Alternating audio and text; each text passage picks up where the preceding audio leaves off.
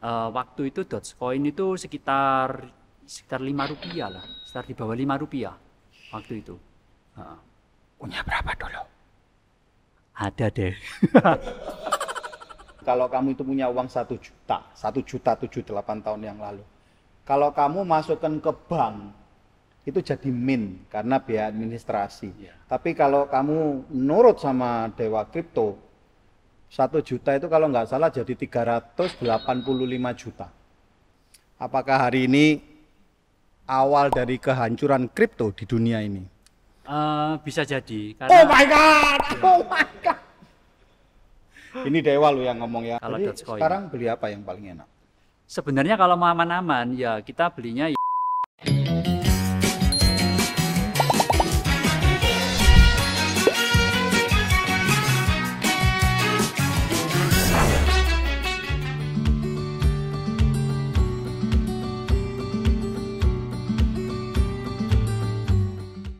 dipegang ke istri, pegang ke siapa kalau misalnya ada apa-apa itu kan mereka masih simpen backupnya gitu.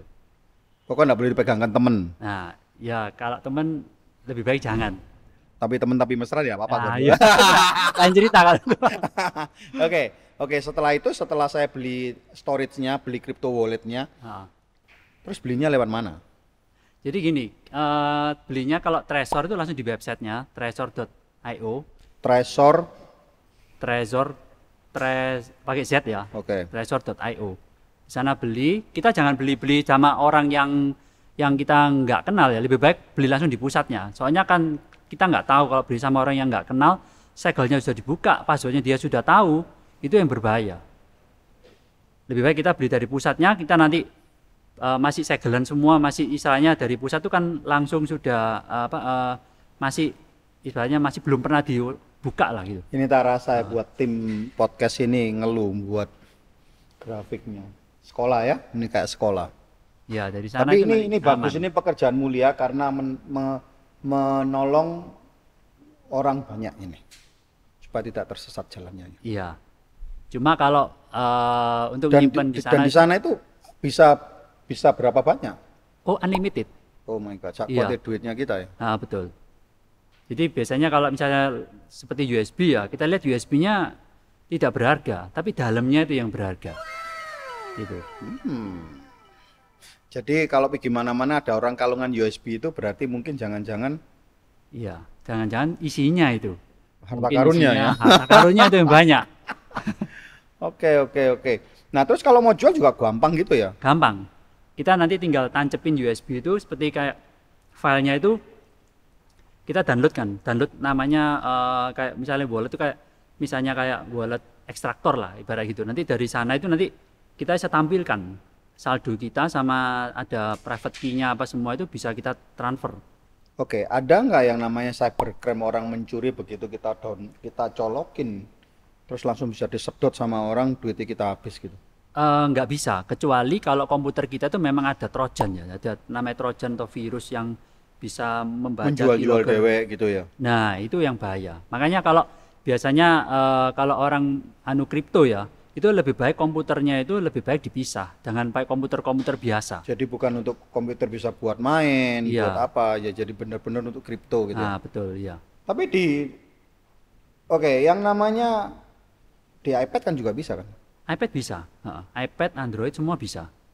Handphone, Smartphone smartphone bisa, Heeh. bisa ya? bisa semua. Oke oke oke oke. Kira-kira, kira-kira nih, Mm. akankah satu hari dunia ini bisa dikuasai kripto? eh dikuasai kripto gini, negara pasti akan beralih ke blockchain juga pasti. Tapi dia nggak dapat apa-apa. Gak ada apa-apa. Cuma gini, mereka akan menciptakan mata uang yang mana mereka bisa kontrol sendiri. Jadi tap- tapi tetap di dalam blockchain juga. Jadi Oke, ini menarik. Heeh. Negara bisa menciptakan, tapi belum tentu demand-nya mau. Eh, iya betul. Untuk trading, tapi untuk kebutuhan sehari-hari ya mau nggak mau kan, Iya. maksudnya gitu. Heeh. Berarti mungkin juga harganya flat-flat aja kan? flat pasti flat. Pasti flat kan? Ah. Karena kan nggak mungkin hari ini beli ini eh, besok-besok harganya 10 juta kan ya nggak Iya, mungkin nggak karena mungkin. fluktuasi kan. Iya, Nah, berarti kan nggak nggak menarik orang beli itu hanya itu cuma sebagai alat transaksi. betul sebagai alat transaksi, bukan untuk investasi. Bukan. Kalau investasi ya itu balik lagi ke Bitcoin. Karena sekarang mata uang negara-negara fiat currency pun bisa ditransaksikan di forex Iya. itu kan ya. Iya, betul. Cuma kalau di blockchain ini negara kan em, mendapatkan keuntungan dia bisa mentris nanti, bisa mentris uang ini larinya ke mana aja gitu, Kalau dia, masuk ke dalam blockchain. loh tapi mana bisa? Eh, bisa lihat transisinya itu kan kelihatan di blockchain kan bisa kelihatan ini ditransfer ke mana ke mana, tapi kan berupa berupa kayak kode-kode acak, kode-kode acak. Berarti dia harus mecahkan encrypted-nya itu kan? Iya, mungkin itu negara punya suatu hal yang kita nggak tahu. Kalau negara, tapi ke depan pasti akan masuk ke sana, ke blockchain. Untuk mengontrol aliran. Iya, untuk mengontrol aliran, kemudian untuk transparasi, kemudian untuk meng- mengurangi korupsi. Karena selama itu, kalau itu kita melakukan pembayaran yang tidak bisa ditrace ya berarti kerugian negara itu dari pendapatan ini ya kan? Iya, Dari PPA-nya nggak dapat apa-apa kan? apa-apa. Oke, oke, oke. Makanya dia pasti pakai blockchain yang dia bisa mengetris. Ko, kamu masih main forex nggak? Menarik nggak sih kalau sudah main kripto ini main forex? Eh, gini beda, kalau forex itu lebih ke arah trading ya, lebih ke arah trading. Kalau kripto dibuat trading itu high risk banget. Oke, artinya gini ya. Eh, seperti yang tak WA itu ya. Iya. Kalau kita main forex itu kan off the counter, Mm-mm. ya kan? Kripto ini bisa dibuat begitu nggak? Kripto itu bisa juga, bisa. Ada. Jadi kripto itu kalau forex ini kan eh, derivatif ya, derivatif. Jadi dia ada pakai margin itu. Kripto juga ada kok itu.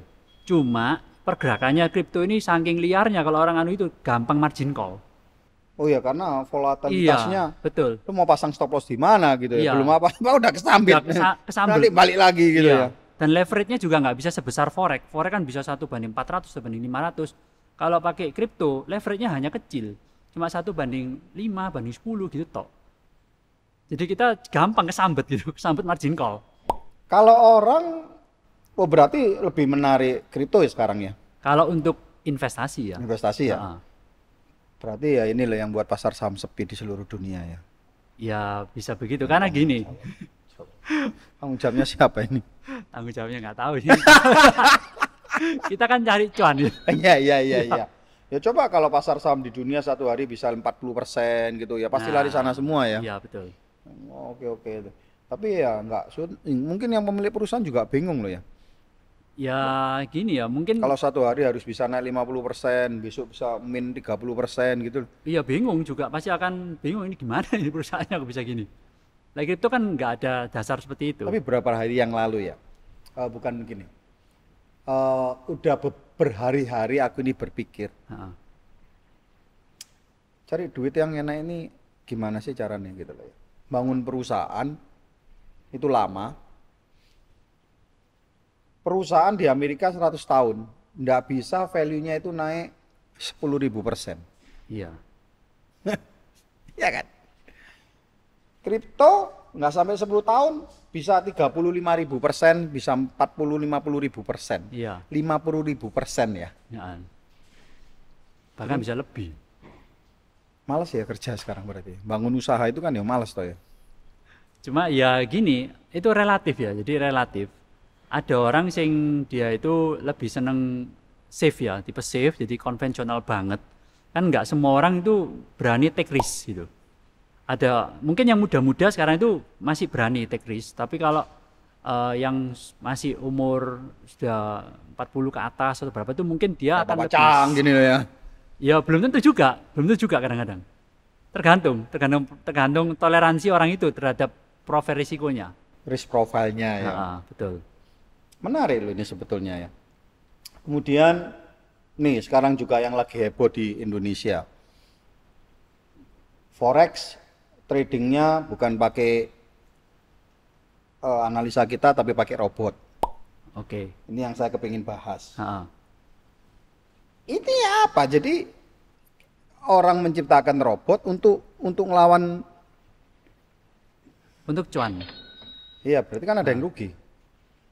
Iya, jadi gini, eh, di forex kan pasti ada yang beli, ada. Iya, founder juga kan? Masih Iya, ada. Ada, masih ada. Oke, oke, oke. Ngupas gini aja biar Iya. kalau ngupas perusahaannya orang kan nggak enak. Oke kok. Robotmu namanya apa? Eh, robot saya itu jadi gini, saya itu hanya nyiptakan tools robot, tidak ada namanya sebenarnya. Jadi orang itu pakai sendiri untuk dia itu pakai buat trading. Entah entah itu dia pakai buat apa? eh, ibaratnya gini, ibaratnya kita tuh semacam kayak kita mau bikin furniture, mau bikin perabot gitu. Nah perabot itu kita sediakan tools, toolsnya ini gergaji mesin, ini ger palu apa semua itu silakan dipakai gitu. Nah tapi kalau orang yang menggunakannya ini tidak ahli, dia otomatis juga jadinya agak gak karu-karuan, pasti tidak akan sebagus seperti orang yang ahli. Karena itu hanya semacam tools, tools saja. Jadi tools ini akan menjadi cuan atau rugi tergantung dari orangnya yang pakai. Oke. Gitu. Kita tahu kalau yang namanya forex ya. Kita main forex kan kita harus buka account di Akun di broker, perusahaan satu broker. broker ya. Ha, Berarti we are against the broker kan? Karena namanya off the counter kan. iya, Berarti berapapun berapa miliar dolar pun yang tak beli tidak akan mempengaruhi harga nggak akan mengaruhi dunia Iya. karena saya bermain benar-benar melawan, melawan broker, brokernya. ya kan? Ha, Oke. Saya balik sekarang, Bu. Ini ini ini pemikiran yang bet- saya saya rasa ini Bu, perlu diluruskan karena ini pemikiran mungkin salah pemikiranku. Tak balik. Aku menciptakan satu AI yang ciami Mm-mm. yang 99,9% unbeatable Oke. ya. Ha, Berarti begitu robot ini main dalam 10 kali dia pasti menang 9 kali. mm. Aku buka rekening di tempatmu. Sampai kapan kamu kuat nahan aku? Tak bobol terus kamu, kalah terus gitu. Eh, jadi gini, broker itu ada macam-macam. Ada broker itu dia ada yang tipe bandar. Bandar itu ibaratnya kan dia ngelawan terus. Ada juga dia tipe itu enggak mau bandar. Dia lempar ke tempat lain. Oke, dilempar lagi. Ah, lempar Ke lagi. atasnya kan? Ha, Jadi you ambil komisi tok. ambil komisi tok. Oke. Nah, ada juga yang hybrid. Hybrid itu maksudnya dia gini. Dia kan bisa ngecek, wah kalau ini transaksinya kalau dia ini eh, kecil-kecil, data anu sendiri masih kuat gitu. Tapi kalau udah besar-besar, saya lempar aja ke tempat yang lebih besar. Nah biasanya lempar lebih besar ini ada beberapa macam tempat itu. Ada yang dia itu tempat lemparnya itu lebih besar sedikit, ada juga dia itu bank. Nah, kalau di bank itu dia lebih lebih fair ya, karena di bank itu dia tidak peduli ini nanti eh, transaksinya menang atau kalah, dia tidak tidak peduli. Karena bank itu ada beberapa macam transaksi. Jadi misalnya ada orang yang tukar tukar falas atau juga orang yang untuk memang mau jual beli apa itu bank itu kumpulan transaksi banyak. Jadi kalau ujung-ujungnya terakhir ya kita lempar Oke. ke bank. Jadi gini. Kamu lempar nih ke perusahaan A. Iya. Oke. Perusahaan ini kan pasti menilai. Kalau kamu menang terus, dia pasti nggak happy. Eh, tergantung, tergantung. Ya, dia kan kalah terus, Ah, toh. Dia kan kalah terus harus bayar kamu kan. Ah, Padahal kamu kamu eh, as a broker middleman berarti kamu cuma ambil komisi. ambil komisi. Berapapun aku menang, Ah, ah, tidak mempengaruhi dan tidak bikin kamu bangkrut. betul. Bener nggak? Iya, betul. Yang dilemparin itu loh. Ah, ah. Misalkan sekarang nih di Indonesia ini kan lagi banyak orang jual AI AI, AI falas ini atau robot-robot Hmm. falas. Di, dijual ke perusahaan yang sama, apakah perusahaannya mau terima? Anggap gini loh, kamu yang menerima lemparan dari broker-broker kecil di bawah. Iya. Apa kamu nggak pernah menganalisa payout rate-mu itu berapa? Eh, gini, broker itu kan memang ada beberapa macam ya. Ada yang broker tadi eh, ibaratnya dealing desk, yang ibaratnya kasarnya itu bandar. Ada yang non bandar. Nah kalau non bandar kan dilempar. Nah dia lempar, dia ini yang namanya broker kan dia terima komisian. Dia nggak tahu di tempatnya sana itu mau menerima atau enggak, terserah yang yang itu, yang tempat yang ibaratnya muaranya itu. Nah, muaranya itu kalau misalnya full, kita lempar lagi ke tempat yang muara lain lagi. Karena muaranya itu udah banyak, bukan cuma satu. Jadi muaranya itu adalah tempat-tempat yang besar-besar banget. Nah, kalau dia transaksi tradingnya itu terlalu besar, kita akan mengecilkan di leverage-nya. Le- Kan leverage-nya 1 banding 400, itu biasanya ada batasannya. Sampai modal sekian, itu leverage-nya nggak bisa sampai 1 banding 400. Ya, leverage-nya akan menurun. turun terus. Heeh. Itu karena tergantung dari kekuatan cash-nya dari Ya, dia pasti akan ngitung terus toh algoritma payout ratio-nya berapa. Iya. Kalau payout ratio-nya tinggi, wah ya dia sebentar ya bangkrut kan. Iya, benar Oke, bangkrut. Tujuannya saya tanya ini. Ah. Kembali lagi, Kenapa kok kita ndak nyiptakan aja atau kamu nyiptakan AI untuk kripto? Kan ini namanya ndak ono batasannya, ndak ono yang dirugikan. Karena kita ndak against bandar. Ya toh? Heeh. Kalau kita bisa pakai AI, mau ndak mau ya bener-bener ini bener-bener mekanisme market bener-bener kan? Iya. Bisa nggak ya pakai? Eh, kalau robot AI itu robot untuk kripto itu sebenarnya sudah sudah ada sebenarnya. Tapi kan eh, ibaratnya itu ada di di exchange masing-masing, di exchange misalnya kayak eh, contohnya kayak eh, exchange namanya KuCoin atau apa itu itu juga sudah menyediakan robot untuk kita bisa transaksi otomatis di sana. Lawannya siapa? Lawannya juga adalah ya orang-orang pengguna exchange itu gitu. Itu juga kembali lagi kepada tingkat likuiditas di Ya exchange riski itu. juga sama against dia berarti kan? Nah, ibaratnya seperti saham, kita kasih robot. Karena kalau misalnya kita ngobotnya ngomongnya ini buy, ternyata di sana likuiditasnya yang nge-sell nggak ada ya sama aja, nyantol gitu. Tapi di float market kan, crypto market itu kan, ih, crypto market nggak pernah libur loh ya. Nggak pernah libur, nggak pernah libur. Kuat-kuatan aja kok. Pagi, Iya. siang, malam, minggu, hari besar, hari apa pun, hari kecil semua terus trading. Iya betul. Memang kalau dibuat trading, kripto ini sangat berisiko, sangat berisiko dibanding forex loh ya. Jadi tapi kalau untuk invest, kripto ini bagus, tapi kita harus milih koin-koin kripto yang benar. Oke, kalau kita bicara invest, Iya. per hari ini nih, April 2021, Nah, kamu megang 100 M. Pilihannya satu, beli tanah, dua, beli emas, atau beli kripto. kalau saya ya beli kripto, 100 M beli kripto. beli kripto, Apa? Bitcoin. Masih Bitcoin. Iya. Harga berapa? Nah, itu kalau beli saya nunggu dia harganya di bawah 40.000 ribu. Bisa nggak ke 20 ribu ya? 20.000 ribu eh, bisa sih bisa. Cuma kalau kita sudah di bawah 40.000 ribu itu ya sangat murah sebenarnya sangat murah. Karena dulu main di 20 ribu itu lama loh. Iya benar. Cuma gini kita kan memang nggak bisa memprediksi harga terbatem, nggak bisa. Cuma kalau kita ibaratnya sudah diskon harganya segitu banyak, ya kita masuk nggak apa-apa. Misalnya turun sampai dalam pun ya biarin aja nanti kan akan kembali lagi. Karena podcast kali ini bisa membuat kamu menjadi dewa agung. Jadi tergantung risk risknya orang ini juga. ada jejak digitalnya. Berarti hari ini kalau ada orang yang ngikut beli kripto dan nunggu di 40 ribu dan kemudian dia 40.000. pecah 100 ribu, Nah, kamu jadi dewa agung kok.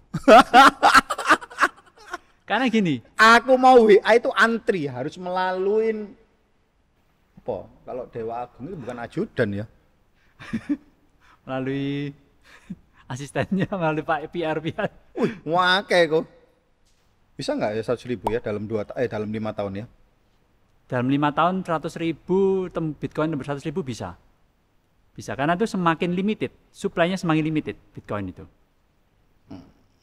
Aku sebetulnya ngaku jujur, aku ini rodok kalah sama anakku. Anakku bisa jual beli Bitcoin, tapi bapaknya cuma ngeliat itu. Karena ya itu, kalau memang kalau orang itu kadang-kadang tergantung profilnya, profil resikonya ya. Kadang ada orang yang wah ini gila nih kalau mempertaruhkan segini banyak gitu. Tapi ada juga orang yang ya wes berani gitu. Karena dia memang sudah yakin gitu. Karena ya eh, apa ya? Jadi beda-beda lah tiap orang gitu. Oke, bicara tentang yang namanya risk profile ini kan Nah, dibagi dari umur. Kalau Iya. umur yang 20-an ya you fight aja kan. Iya, Andai kata ya sih ada umur 30, bener nggak? Tapi untuk orang-orang yang seperti sudah 50 ke atas kayak Papa Cang ini, risk faktornya eh risk profilnya kan sudah sangat konservatif nih. Hmm. lebih baik sih kalau sudah 50 ke atas itu ya jangan semuanya di kripto karena kripto ini eh ya masih ada resikonya ya. Jadi misalnya ada naik turun naik turunnya, tetap kita harus juga ada diversifikasi ke properti, ke bisnis itu juga harus. Karena kalau misalkan ya kita bandingkan komoditi yang namanya gold ya. Gold sekarang sekitar 1750 Iya, ya SB Speak. Kalau dia butuh naik 100%, dia cuma 3.500. 3000. Heeh, betul. Loh, kalau 40.000 ke 100.000 lah ya lebih bagus dong. Iya, lebih bagus. Dan Dari- kemungkinan kemungkinan maksudku aku gini loh ya. Dia bisa naik jadi 200 ribu tanpa Bisa. menggoncang dunia. Iya, betul. Tapi kamu bisa bayangkan kalau emas jadi li, jadi 5 ribu, dunia ini jadi apa? Iya. Iya kan? Jadi harga emas ini sebetulnya kan benar-benar pasti dikontrol dan harus ada satu kekuatan yang bikin dia itu tidak terlalu liar kan. Iya, heeh. Berarti risk profile-nya kayak Papa Chang cocoknya beli emas ya, betul ya? Ya dibagi-bagi, jangan emas semuanya gitu. Jadi ya ada emas, mungkin ada sedikit kripto juga nggak apa-apa. Kayak cinta ya. Cinta itu kudu dibagi-bagi. Bagi- Kalau cinta di fullkan semua, orang bisa patah hati delosor-delosor gitu ya. ya bisa bisa stres saya. Harus di Nggak, katanya ini hukum investasi ya, tidak boleh dimasukkan di keranjang cuma satu ya. Iya, betul. Ini berlaku untuk cinta nggak? Kalau cinta ya harus penuh hati. Dimarahin. Oke oke. Pertanyaan terakhir, menarik ya. Kalau kita bicarakan ini terus bisa panjang. Heeh. eh ke depan, kamu menjagokan underdog apa? Menurut kamu satu hari, ya kadang-kadang sulitnya kenapa? Dodge itu atau doge itu tadinya kan dibuat untuk mainan-mainan tok Iya, dan bisa menjadi luar biasa. Dan yang Mas Elon itu yang gara-gara bikin rame semuanya kan. mm-mm. Nah, apa apa apa kira-kira ya? Eh, Ya kita beli aja 100 juta dibiarin mau jadi apa gitu. Kalau lima tahun meledak ya syukur, kalau enggak ya paling mek 100 juta, wong harganya mek 5 rupiah. Jadi gini, eh, kripto itu kan ada macam-macam, ada fungsinya juga macam-macam. Tapi ini kan eh, semua itu juga masih spekulasi. Yang pasti naik itu Bitcoin pasti, pasti naik. Tapi naiknya itu memang tidak akan sekencang seperti altcoin. Altcoin hanya kayak misalnya kayak tadi Dogecoin atau apa itu naiknya memang gila banget dibanding kayak Bitcoin, Ethereum gitu. Nah, tapi kalau kita mau save ya, kita kan misalnya mau save. Save itu harus, kita itu harus simpan yang lebih banyak porsinya di sana. Jadi yang lebih banyak kalau saya sarankan sih ya Bitcoin, kemudian Ethereum itu pasti. Kemudian eh, BNB juga boleh bagus. Kalau yang lain-lainnya untuk eh, ibaratnya untuk spray and pray ya. Kalau saya biasa ngomong sama teman-teman itu spray and pray ya sudah kamu sebar tebar jaring sambil berdoa aja diem. Iya, kita doakan aja supaya dia naik. Nah, itu koin-koin itu adalah semacam kayak misalnya Polkadot, Cardano, kemudian Solana, Theta, eh, VeChain itu eh, masih bisa, masih bisa untuk naik lagi karena dia memang koinnya itu berfungsi. Ada juga namanya Filecoin, kemudian Sia Coin, Storch, Tron itu juga masih bisa. Oh, ada pertanyaan. Heeh. Hampir aja kelewatan. Mau buka kayak sebagai trader itu Indodax seperti itu. Sulit ah. Eh, Kenapa itu kamu nggak buka seperti itu aja kan? gini, kalau buka semacam itu, itu pertama itu harus apa? Broker juga. eh, exchange itu. Ex- oh, Nah, exchange. exchange. Tapi exchange juga bisa di dalamnya juga ada broker derivatifnya. Itu juga ada. Kok kenapa kamu nggak mau buka aja exchange? Eh, ruwet itu. Hah? Really? Gini, kalau membuka exchange untuk zaman sekarang itu harus didukung dari exchange besar supaya dia eh, ibaratnya punya lam- nama dan itu harus teknologi. ada izin Bapeti nggak ya? harus harus ya sekarang harus ada izin Bapeti. Eh, izin Bapetinya mungkin sekitar berapa berapa puluh m gitu. Cuma eh, bukan masalah uang itu toh, masalahnya di, di teknologinya. Karena exchange itu kan dia tidak boleh sampai sampai apa ya sampai error gitu, sampai error kemudian sampai kena hack itu tidak boleh. Karena kalau Wah, kena hack, lah. wah iya bisa bisa gonjang ganjing, bumi gonjang ganjing. Lu punya seribu, moro-moro jadi seratus ribu. Itu boleh, nggak apa-apa gitu ya. Hmm. Ojo dibalik seratus ribu Balik. jadi seribu gitu Iya ya. atau nol itu pernah ada exchange di mana di Jepang atau mana itu kena hack habis semua uangnya orang di sana hilang semua wah repot kalau itu Masa nggak bisa di trace itu ya? Eh, susah bisa di trace bisa kayak semacam dulu ada kejadian di hack sampai 500 juta dolar lebih ya itu di trace bisa ketahuan gini tapi sama hackernya dia dirubah lagi ke koin misalnya koin namanya Monero Monero itu untuk menghilangkan jejak udah hilang wis sudah Udah wis nggak ada jejak Hmm, gitu. ya. nggak ada jejak Maksud sana itu sudah di decrypt lagi diapakan lagi hilang sudah nggak ada jejak gitu Ini seru kayak main detektif gitu ya. iya Uh, seru. repot exchange itu tanggung jawabnya besar kemudian teknologinya juga harus kuat. Jadi orang bukan cuma kapitalisasi besar aja dia punya uang bisa bikin, tapi dia kalau nggak ada tim yang kuat untuk bikin teknologinya itu itu bahaya. Oke. Heeh. Thank you ya, James. Ya, sama-sama. Ada lagi nih mungkin yang mau disampaikan mungkin, uh ini kepintak sampai no kepada subscriber Survival Talk. Semoga Um, dia bisa mungkin wah menjadi sesuatu yang berharga. Mungkin ada? Jadi gini, kalau di kripto itu menurut saya itu lebih baik untuk investasi. Jadi kalau memang ini kripto eh, turun ya, turun ini itu hal yang biasa sebenarnya. Karena seperti kejadian-kejadian sebelumnya, kripto ini memang turunnya memang tajam banget. Nah, itu di saat itu itu sebenarnya merupakan diskon ya bagi kita untuk kita beli lagi di harga murah. Tapi tentunya jangan semuanya di dalam kripto, kita tetap harus bagi-bagi resiko dan jangan ikut-ikutan. Kalau kita ikut-ikutan, oh ini apa influencer ini beli ini, ini bagus kita beli banyak semacam itu. Tapi kita nggak ngerti dalam itu, itu yang berbahaya. Kita jangan seperti itu. Tapi kalau kita memang tujuannya untuk cari aman di sini, kita lebih baik beli koin-koin yang berfundamental bagus. Tapi kalau kita cari cuan, ya itu eh, mesti dilihat dulu. Cuannya mau cuannya yang gede banget, tentu resikonya gede. Atau kita mau cuannya yang ya biasa-biasa, tapi resikonya juga biasa-biasa. Itu tergantung dari diri kita. Jadi ya ibaratnya jangan ikut-ikutan lah, jangan ikut-ikutan beli tanpa kita mengetahui koin itu sebenarnya apa. Gitu. Oke, mantap Paul. Iya. Thank you Dewa Kripto. Semoga next time kita track semua. Semoga satu hari saya bisa mengundang Dewa Agung Kripto. Iya. Terima kasih, sukses. Semoga tambah hebat, tambah cuan, menginspirasi dan Iya, mempunyai sama-sama. eh, komunitasnya tambah besar dan sama. akhirnya semua hidupnya berubah karena kebaikanmu untuk berbagi dengan mereka. Salam cuan semuanya. Thank you. Salam bertahan hidup. Saya bertahan hidup. Jangan lupa subscribe, loncengnya dinyalain. Semoga bermanfaat. Salam bertahan hidup.